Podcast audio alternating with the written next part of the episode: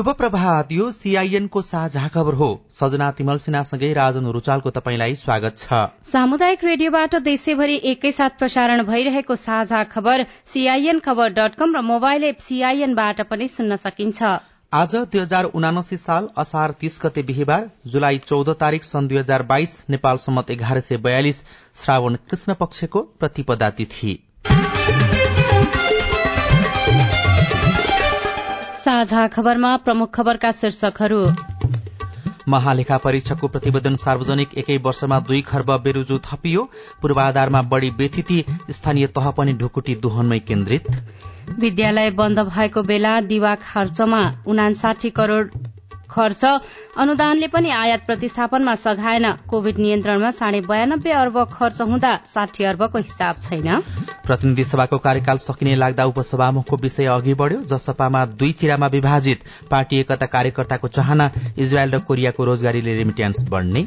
श्रीलंकामा शान्ति स्थापनाको लागि सेना र प्रहरीलाई आदेश देशभर संकटकाल घोषणा। अमेरिकाले प्रशान्त क्षेत्रको देशमा नयाँ दूतावास खोल्ने। र विश्वकप लिग दुई अन्तर्गत नेपालले स्कटल्याण्डलाई पाँच विकेटले हरायो।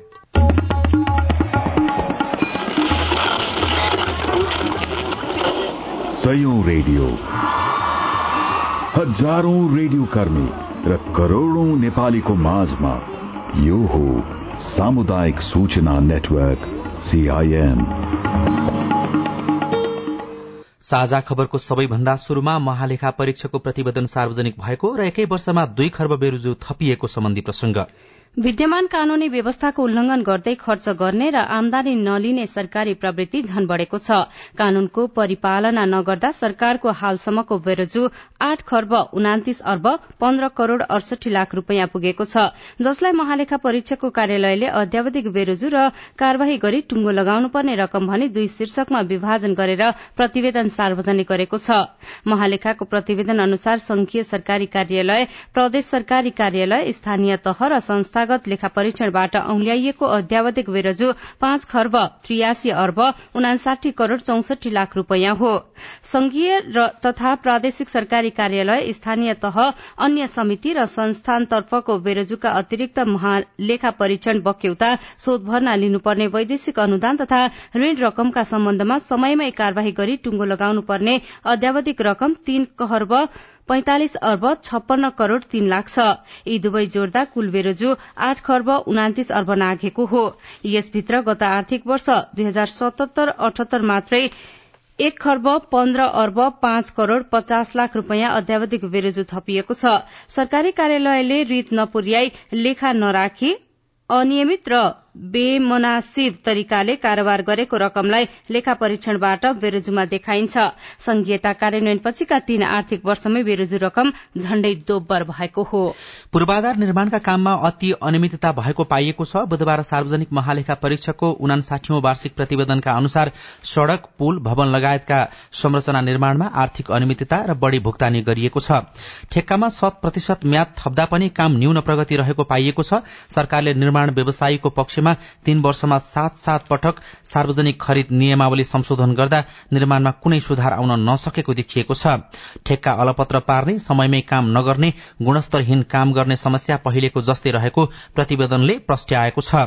एघार अर्ब चौवालिस करोड़ अठहत्तर लाख अडचालिस हजार रूपियाँ बराबरको एक सय बैसठी ठेक्कामा सम्झौता बमोजिम काम नभए पनि प्रचलित ऐन कानून बमोजिम कार्यवाही नभएको पाइएको प्रतिवेदनमा उल्लेख गरिएको छ।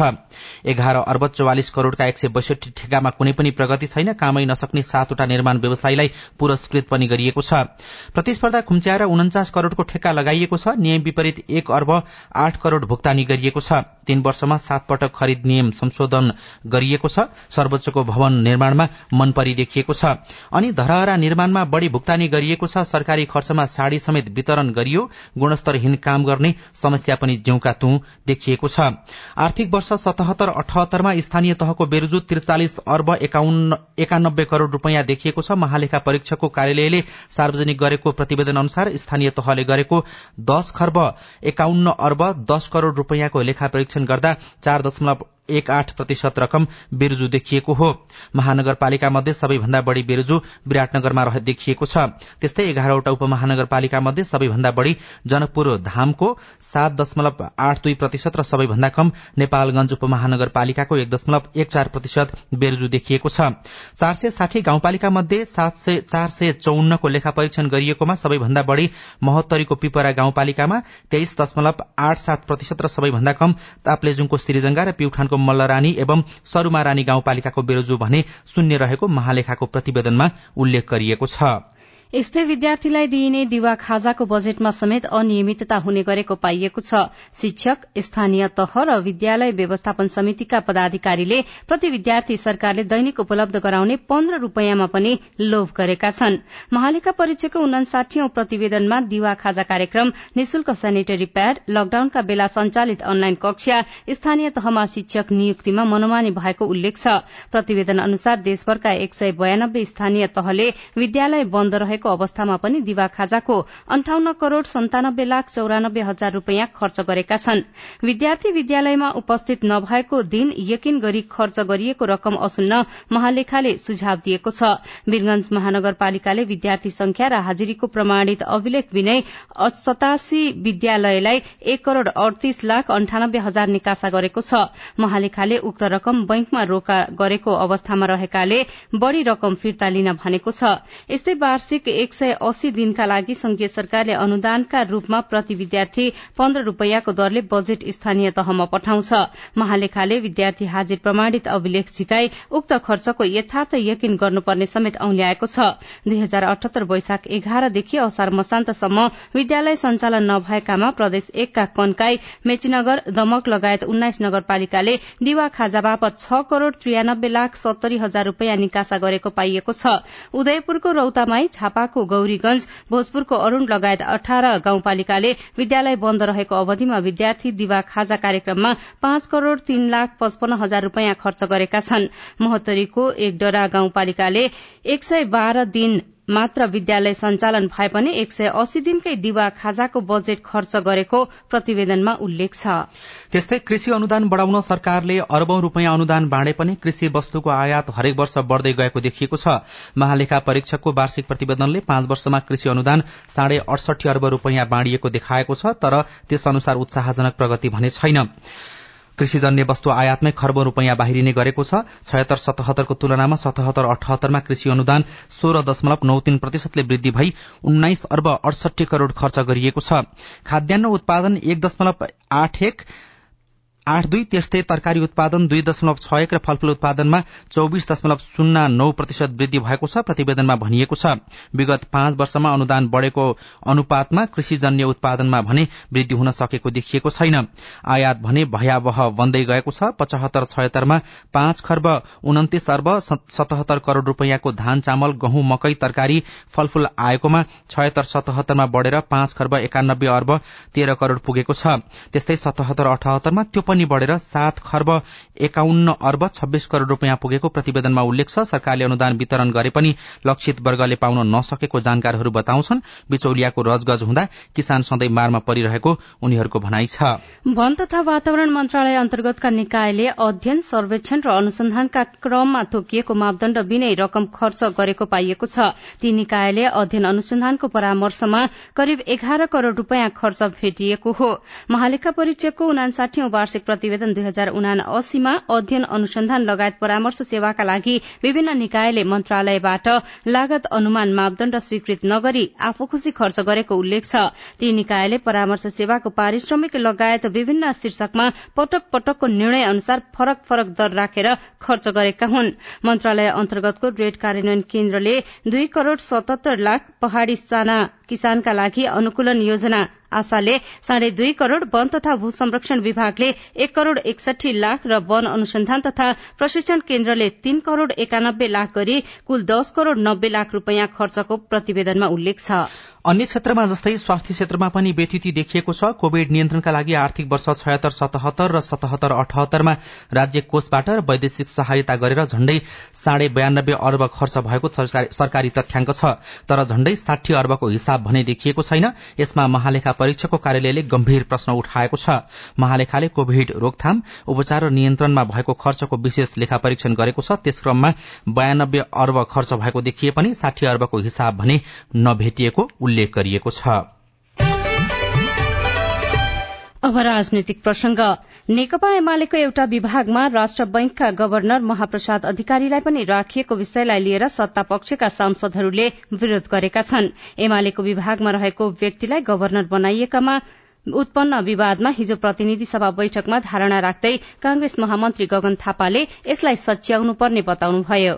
राष्ट्र ब्याङ्कले जे सोचेको भए पनि अपेक्षा गरेको परिणाम नआइसकेपछि अब यसलाई सच्याइनुपर्छ। यसलाई सच्याइएन यसलाई हटाइएन बन्द गरिएन भने लाखौं सेयरमा लगानी गरेका साना लगानीकर्ताहरू सड़कमा आइपुग्छन्।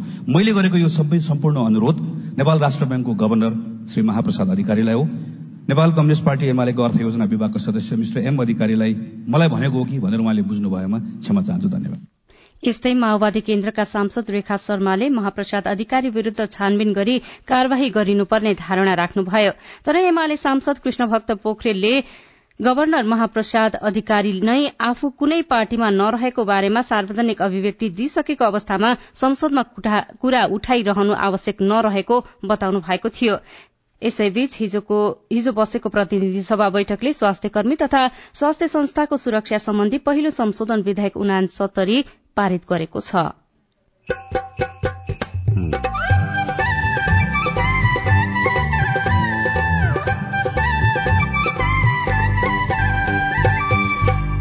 सामुदायिक सूचना नेटवर्क सीआईएन मार्फत देशभरि प्रसारण भइरहेको साझा खबरमा विद्युतीय बस चढेका यात्रुको अनुभव।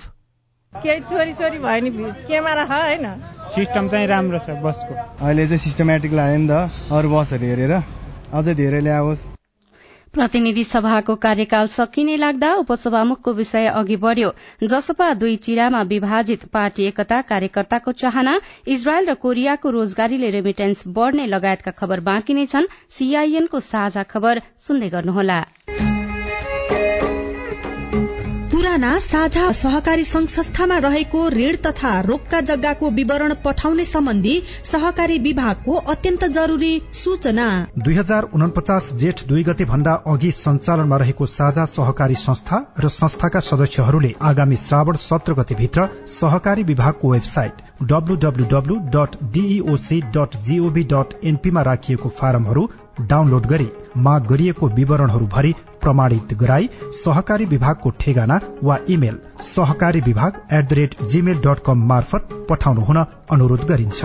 एक सदस्यहरूले साझा सहकारी संस्थालाई तिर्न बुझाउन बाँकी रहेको सावा ब्याज हर्जना समेत जम्मा तिर्नुपर्ने दायित्वको रकम। दुई साझा सहकारी संस्थाका सदस्यको नाममा रहेको घर जग्गा र रोक्का राख्ने बैंकको विवरण। तीन साझा सहकारी संस्थाका सदस्यहरूलाई ऋण प्रवाह गर्ने सिलसिलामा तत्कालीन साझा सहकारी संघ संस्थाले कृषि विकास बैंकसँग लिएको ऋणको विवरण। प्रदेश सहकारी मन्त्रालय प्रदेश रजिस्ट्रारको कार्यालय तथा सबै स्थानीय तहहरू र राष्ट्रिय सहकारी महासंघ केन्द्रीय सहकारी संघ र जिल्ला सहकारी संघहरूले समेत यसै सूचनालाई आधार मानि विवरण भर्ने भराउने कार्यमा सहजीकरण गरिदिन हुन विभाग अनुरोध गर्दछ। पछि छुट हुन गएको भनी माग दावी गर्न पाइने छैन। थप जानकारीको लागि असार पन्ध्र गतेको गोर्खा पत्र अन्नपूर्ण पोस्ट वा नयाँ पत्रिका हेर्नुहोला अथवा विभागको website WWW dot DEOC dot GOV dot NP हेर्नुहोला। सहकारी विभाग नयाँ बानेश्वर काठमाडौँ। सामाजिक रूपान्तरणका लागि यो हो सामुदायिक सूचना नेटवर्क सीआईएन तपाईँ अहिले देशभरिका सामुदायिक रेडियो सीआईएन खबर डट कम र मोबाइल एप सीआईएनबाट एकैसाथ साझा खबर सुन्दै हुनुहुन्छ। अब बाँकी खबर। बाबुराम भट्टराई नेतृत्वको नयाँ शक्ति पार्टी नेपाल र उपेन्द्र यादव अध्यक्ष रहेको संघीय समाजवादी फोरम बीच दुई हजार छयत्तर वैशाखमा एकता भएको थियो। कतिपय वैचारिक र सैद्धान्तिक विषयहरू मिल्न बाँकी रहँदै भएको एकतापछि पनि पार्टीभित्र अन्तर संघर्ष चलि नै रह्यो। तर जब अस्तिदेखि दुई अध्यक्षको नेतृत्वमा दुईतिर बैठक बस्यो यसले पार्टीलाई लगभग फुटतर्फ डोर्याएको छ।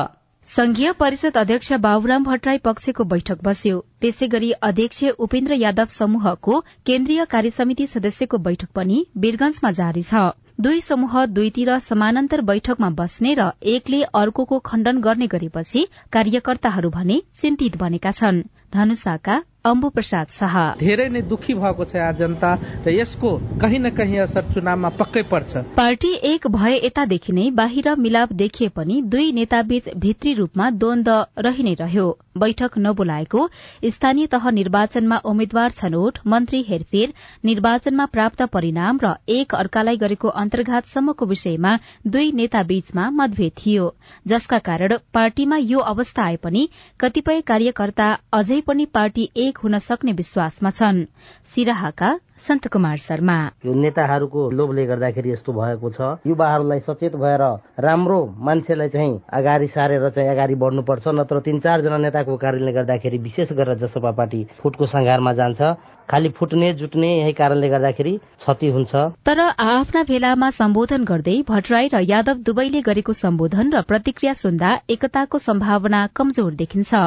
भट्टराईले पार्टी रूपान्तरण पुनर्गठनको औचित्य र कार्यभार सम्बन्धी उन्नाइस बुधे राजनैतिक प्रतिवेदन प्रस्तुत गर्दै विचार दृष्टिकोण लक्ष्य र उद्देश्य हासिल गर्नेतर्फ पार्टी एकताको तीन वर्ष फलदायी नभएको भन्दै पुनर्गठन गर्नुपर्ने प्रष्ट विचार राख्नु भएको छ औपचारिकता निरङ्कुश तन्त्र र एउटा आसेपासेवाद क्रोनिजम जुन ढङ्गले अगाडि बढ्दैछ र पार्टीका विधि पद्धति चाहिँ मिचेर आफ्नो मनपरी तन्त्र चाहिँ हावी हुँदैछ यसले अन्त्यमा पुर्याउने त्यही हो। पार्टी अध्यक्ष उपेन्द्र यादव पक्ष भने अझै पनि गल्ती स्वीकार गरेर वीरगंजको बैठकमा उपस्थित भए एक भएर जान सकिने बताउन छाडेका छैनन्।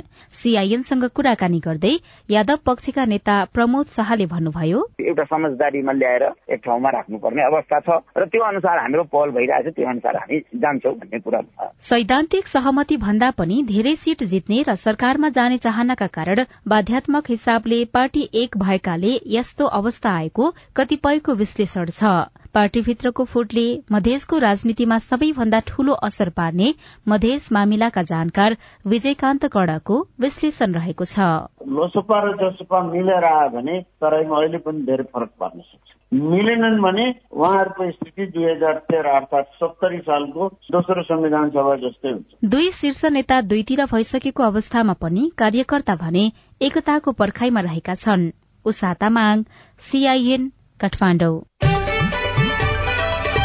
नेपाली कांग्रेसको केन्द्रीय समिति बैठक आज पनि बस्दैछ बैठकमा पार्टीबाट प्रतिनिधित्व गर्ने विभागीय मन्त्रीहरूले सरकारले गरेको कामको विषयमा जवाफ दिनेछन्। पार्टी केन्द्रीय समिति बैठकमा विभागीय मन्त्रीहरूले एक वर्षमा गरेका कामहरूको विषयमा जवाफ दिने कार्यसूची रहेको केन्द्रीय सदस्य रामहरि खतिवड़ाले जानकारी दिनुभयो। हिजोको बैठकमा भने संचार मन्त्री ज्ञानेन्द्र बहादुर कार्कीले सरकारका उपलब्धिहरू प्रस्तुत गर्नुभएको संघीय संसद अन्तर्गत प्रतिनिधि सभाको कार्यकाल सकिने लाग्दा उपसभामुखको खोजी शुरू भएको छ। निर्वाचन आयोगको सिफारिश अनुसार सरकारले संघीय एवं प्रदेश निर्वाचनको मिति घोषणाको गृह कार्य गरिरहेका बेला प्रतिनिधि सभाको उपसभामुख पदको निर्वाचन प्रक्रिया अगाडि बढ़ेको हो। तत्कालीन उपसभामुख शिवमाया तुम्बा हाम्फीले छ माघ दुई हजार छयत्तरमा राजीनामा दिएपछि संसदले उपसभामुख पाएको छैन। संसद सचिवालयले भोलि हुने गरी उपसभामुखको निर्वाचनको कार्यतालिका सार्वजनिक गरेको छ। मनोनयन दर्ताका लागि आज बिहान एघार बजेदेखि दिउँसो एक बजेसम्मको समय निर्धारण गरिएको छ। नेपालमा पछिल्लो समय कोरोना भाइरसको संक्रमण दर बढ़दै गएपछि सरकारले सबैलाई जनस्वास्थ्यका मापदण्ड पालना गर्न आग्रह गरेको छ। पछिल्लो पाँच दिनदेखि नेपालमा दैनिक एक सय भन्दा बढ़ीमा कोरोना संक्रमण पुष्टि हुँदै आएकोमा हिजो मात्रै दुई सय छ जनामा कोरोना संक्रमण पुष्टि भएको छ। स्वास्थ्य तथा जनसंख्या मन्त्रालयका सहप्रवक्ता डाक्टर समीर कुमार अधिकारीले हाल नेपालमा ओमिक्रोनको नयाँ प्रजातिका उपप्रजातिका कारण मानिसहरू संक्रमित हुन थालेको बताउनुभयो। राष्ट्रिय जनस्वास्थ्य प्रयोगशाला टेकुमा पछिल्लो पटक गरिएको जीन सिक्वेन्सिङको नतिजा अनुसार अधिकांश नमूनामा ओमिक्रोन भेरिएन्टको सब लिनिएज बीए टू पुष्टि भएको छ भने अन्यमा बीए वान र बीए फाइभ पुष्टि भएको छ। ओमिक्रोन भेरिएन्टको बीए वान र बीए टू सब लिनिएजहरूलाई प्रतिस्थापन गर्दै बीए फाइभ अहिले धेरै देशहरूमा फैलिरहेको देखिन्छ। अध्ययनहरूका अनुसार बीए फाइभ विद्यमान ओमिक्रोनका अन्य सब लिनिएज भन्दा बढ़ी संक्रामक रहेको छ। वहाँले संक्रमण पुष्टि हुने क्रम बढ़दै गए पनि आत्तिनुपर्ने अवस्था नरहेकाले अब पालो अनुसार कोरोना विरूद्धको खोप लगाउन पनि सबैलाई आग्रह गर्नुभयो। आमदानीका हिसाबले आकर्षक श्रम गन्तव्य इजरायल र कोरियाको रोजगारी पुनः शुरू भएसँगै रेमिटेन्स थप बढ़ने देखिएको छ। विगत दुई वर्ष रोकिएर पुनः शुरू भएको कोरिया र हालै शुरू भएको इजरायल जाने नेपालीले मासिक औसत दुई लाख रूपियाँ पारिश्रमिक पाउने भएका कारण पनि आगामी दिनमा नेपाल आउने रेमिटेन्स बढ़ने भएको हो। चालू आर्थिक वर्षको एघार महिनामा रेमिटेन्समा सामान्य वृद्धि भएको देखिए पनि इजरायलको रोजगारी शुरू भएको र कोरियाको भाषा परीक्षा भइरहेका कारण आगामी वर्ष रेमिटेन्स बढ़ने देखिएको हो। साझा खबरमा अब विदेशका खबर। श्रीलंकाका कार्यवाहक राष्ट्रपति रनिल विक्रमसिंघेले सेना र प्रहरीलाई देशको हालत सम्हाल्न आदेश दिनुभएको छ। उहाँले देशमा शान्ति स्थापना गर्नका लागि आवश्यक कदम उठाउन पनि आदेशमा भन्नुभएको अन्तर्राष्ट्रिय संचार माध्यमले जनाएका छन्। कार्यवाहक राष्ट्रपतिको यो आदेशसँगै सेनाले शान्ति स्थापनाको लागि सहयोग गर्न सबै नागरिकसँग अपील गरेको छ। आर्थिक र राजनीतिक संकटको सामना गरिरहेको श्रीलंकामा सरको विरोध भएपछि राष्ट्रपति गोटाबाया राजापक्ष हिजो देश छोडेर भाग्नु भएको छ। यसैबीच राष्ट्रपति र प्रधानमन्त्री कार्यालयमा प्रदर्शनकारी पसेपछि श्रीलंकामा संकटकाल घोषणा गरिएको छ। अनि अमेरिकाले प्रशान्त क्षेत्रको देशमा नयाँ दूतावास खोल्ने भएको छ। प्रशान्त क्षेत्रमा चीनको बढ़दो प्रभावलाई कम गर्नको लागि अमेरिकाले नयाँ दूतावास खोल्ने जनाएको छ। प्रशान्त क्षेत्रको नेता सँग भएको भिडियो बैठकमा उपराष्ट्रपति कमला ह्यारिसले यस्तो बताउनु भएको बीबीसीले जनाएको छ। साझा खबरमा अब खेल खबर। आईसीसी पुरूष विश्वकप लीग दुई अन्तर्गत स्कटल्याण्डमा जारी त्रिकोणात्मक एक दिवसीय अन्तर्राष्ट्रिय श्रृंखलामा नेपालले स्कटल्याण्डलाई पाँच विकेटले हराएको छ। स्कटल्याण्डले दिएको एक सय पैंतालिस रनको लक्ष्य नेपालले पच्चीस ओभर एक बलमा पाँच विकेट गुमाएर पूरा गर्यो। यसअघि यस जितसँगै नेपालले अठार खेलमा सत्र अंक जोडेको छ। यसअघि टस हारेर ब्याटिङ थालेको स्कटल्याण्ड बयालिस दशमलव पाँच ओभरमा एक सय चौवालिस रनमा अल आउट भएको थियो। सरकारले धनगढ़ीको फाप्लामा फाप्ला अन्तर्राष्ट्रिय क्रिकेट मैदान तथा खेलग्राम निर्माणको प्रारम्भिक प्रक्रिया अगाडि बढ़ाउने भएको छ। धनगढ़ीमा हिजो बसेको खेलग्राम पूर्वाधार निर्माण विकास समितिको पहिलो बैठकले अन्तर्राष्ट्रिय क्रिकेट मैदान तथा खेलग्रामको डिटेल प्रोजेक्ट रिपोर्ट डीपीआर निर्माण प्रक्रिया अगाडि बढ़ाउने निर्णय गरेको हो। निर्णयसँगै क्रिकेट रंगशाला निर्माण प्रक्रिया औपचारिक रूपमा अगाडि बढ़ेको समितिका अध्यक्ष सुभाष शाहीले बताउनु भएको छ। र राष्ट्रिय खेलकुद परिषदका पाँचजना बोर्ड सदस्यले बर्खास्ती विरूद्ध उच्च अदालत पाटनमा दायर गरेको रिट खारेज भएको छ। उच्च अदालतका न्यायाधीशद्वय ध्रुवराज चन्द र सुदर्शन राज पाण्डेको संयुक्त इजलासले हिजो राखेप बोर्डमा पुनर्बहालीको मागसहित दायर भएको रिट खारेज गर्ने निर्णय गरेको हो।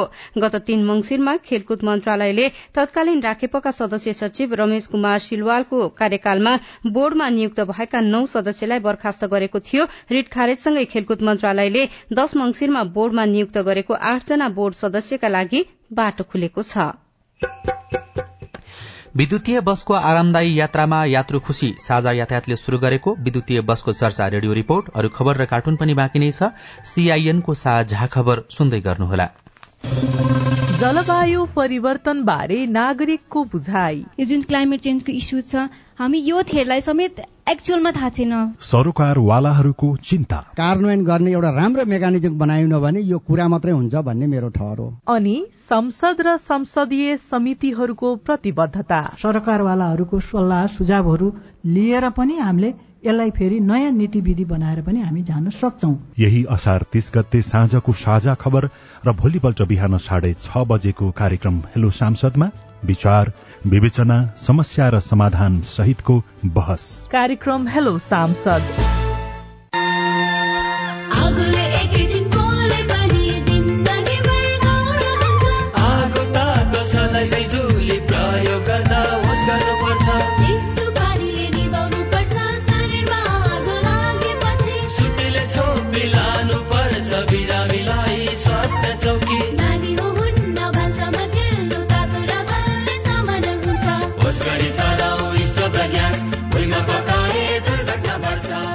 अग्निजन्य दुर्घटना भएमा शून्य एक पचपन्न पचपन्न छ आठ नौमा सम्पर्क गर्नुहोस्। बीबीएस नेपाल ललितपुर। सामाजिक रूपान्तरणका लागि यो हो सामुदायिक सूचना नेटवर्क सीआईएन साझा खबरमा अब विद्युतीय बसको प्रसंग। चालू आर्थिक वर्षको वैशाखसम्म नेपालमा एक खर्ब तेइस अर्ब बढ़ीको डिजेल खपत भएको छ। सरकारको तथ्याङ्कले भन्छ यही अवधिमा पेट्रोलको आयात गत वर्षको तुलनामा एक सय चार प्रतिशतले बढ़ेको छ। इन्धनको आयात कम गर्न विद्युतीय सवारीको प्रयोग बढ़ाउने नीति सरकारले लिएको छ। विद्युतीय सवारी सञ्चालन कति सहज कति चुनौती? बिहान दस तेइस बजे सवारी साधनले खचाखच भरिएको छ माइती घर मण्डला। धुवा र ध्वनिले वातावरण कोलाहल छ। त्यही कोलाहलको एउटा छेउमा छ माछा पोखरीका लागि यात्रु पर्खिरहेको साझा बस। यसमा चाहिँ हजुरहरूले के ध्यान दिनु पर्यो भने? चालक सूरज केसीले यात्रुहरूलाई सचेत गराएपछि बस अघि बढ्यो। नयाँ बजारका विजय लामाको अनुभव सधैँभन्दा भिन्न देखिन्थ्यो। सबैभन्दा राम्रो चाहिँ यसको क्यामेरा सिस्टम लाग्यो चल्दाखेरि हाम्रो शरीरलाई चाहिँ केले थपिट दिइरहेको छैन। वृद्ध होस् चाहे हामी युवा होस् होइन चाहे बच्चाहरू सबैलाई चाहिँ एकदमै न कुनै आवाज न धुवाको गन्ध। वातावरण मैत्री सो विद्युतीय बस। साझा यातायातले केही दिन अघि मात्रै सञ्चालनमा ल्याएको हो। छब्बीस सीट क्षमताको बसमा चारवटा सीसीटीभी क्यामेरा जोडिएको छ। जस मार्फत केन्द्रीय कार्यालयले निरन्तर निगरानी गरिरहेको हुन्छ। महिला अपाङ्गता भएका व्यक्ति अशक्त र बालबालिकाका लागि समेत छुट्टै सिटको व्यवस्था छ। त्यो अपाङ्ग मैत्री एउटा त्यहाँ छ एउटा स्लाइड छ ढोकाको अगाडि। त्यो स्लाइड आफै बाहिर जान्छ अनि त्यसमा व्हिलचेयर राखेर फेरि भित्र लिएर आउँछ आफै। ज्येष्ठ नागरिक महिला सिट बालबालिका सिट।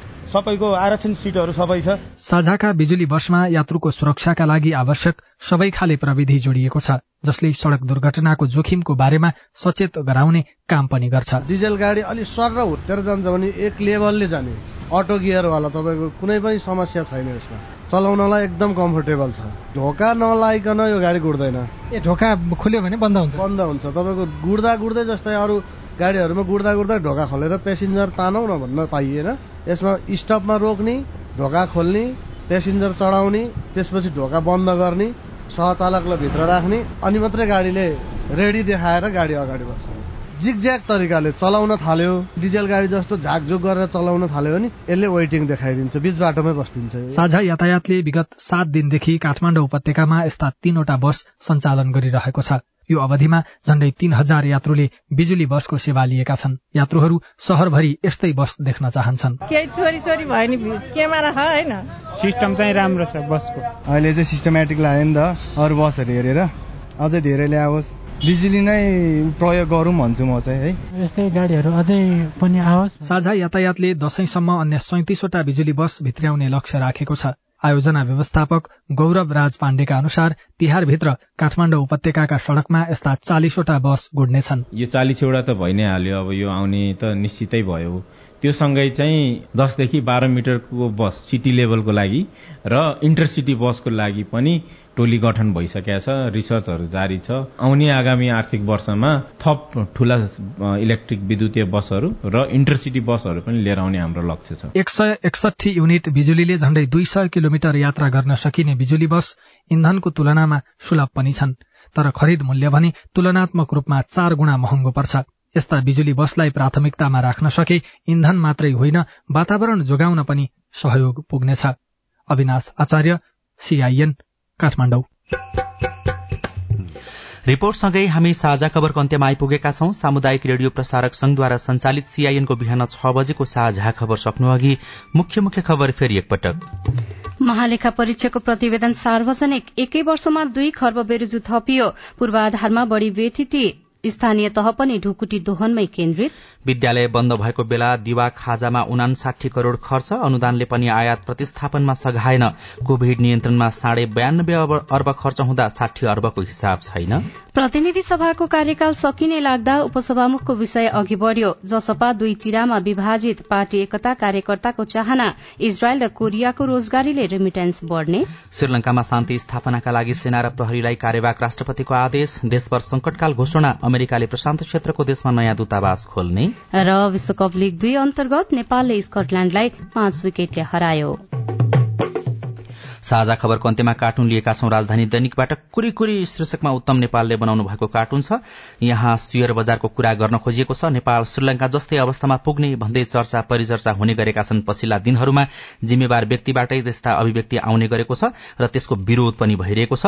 त्यस्ता अभिव्यक्तिले शेयर बजारमा समस्या उत्पन्न भएको छ भने त्यही कुरालाई यहाँ व्यङ्ग्य गर्न खोजिएको छ। एकजना कालो चस्मा लगाएका व्यक्ति कुर्सीमा बडो आनन्दले बसेका छन्। पत्रिका पढ्दै फोनमा कुरा गरिरहेको जस्तो देखिन्छ। अनि तल चाहिँ यस्तो लेखिएको छ। होइन घट्छ घट्छ अझै घट्छ है। आफ्नो सम्पत्ति स्वाहा पारिहाल्नु नत्र फेरि जोगिएला नि। हवस् त प्राविधिक साथी सुनिल राज भारतलाई धन्यवाद। अहिलेलाई राजन रुचाल र सजना तिमल सिन्हा विदा भयौं। तपाईँको आजको दिन शुभ होस्। नमस्कार। यसपछि देशभरिका सामुदायिक रेडियोबाट कार्यक्रम साझा आवाज प्रसारण हुनेछ। सुन्ने प्रयास गर्नुहोला।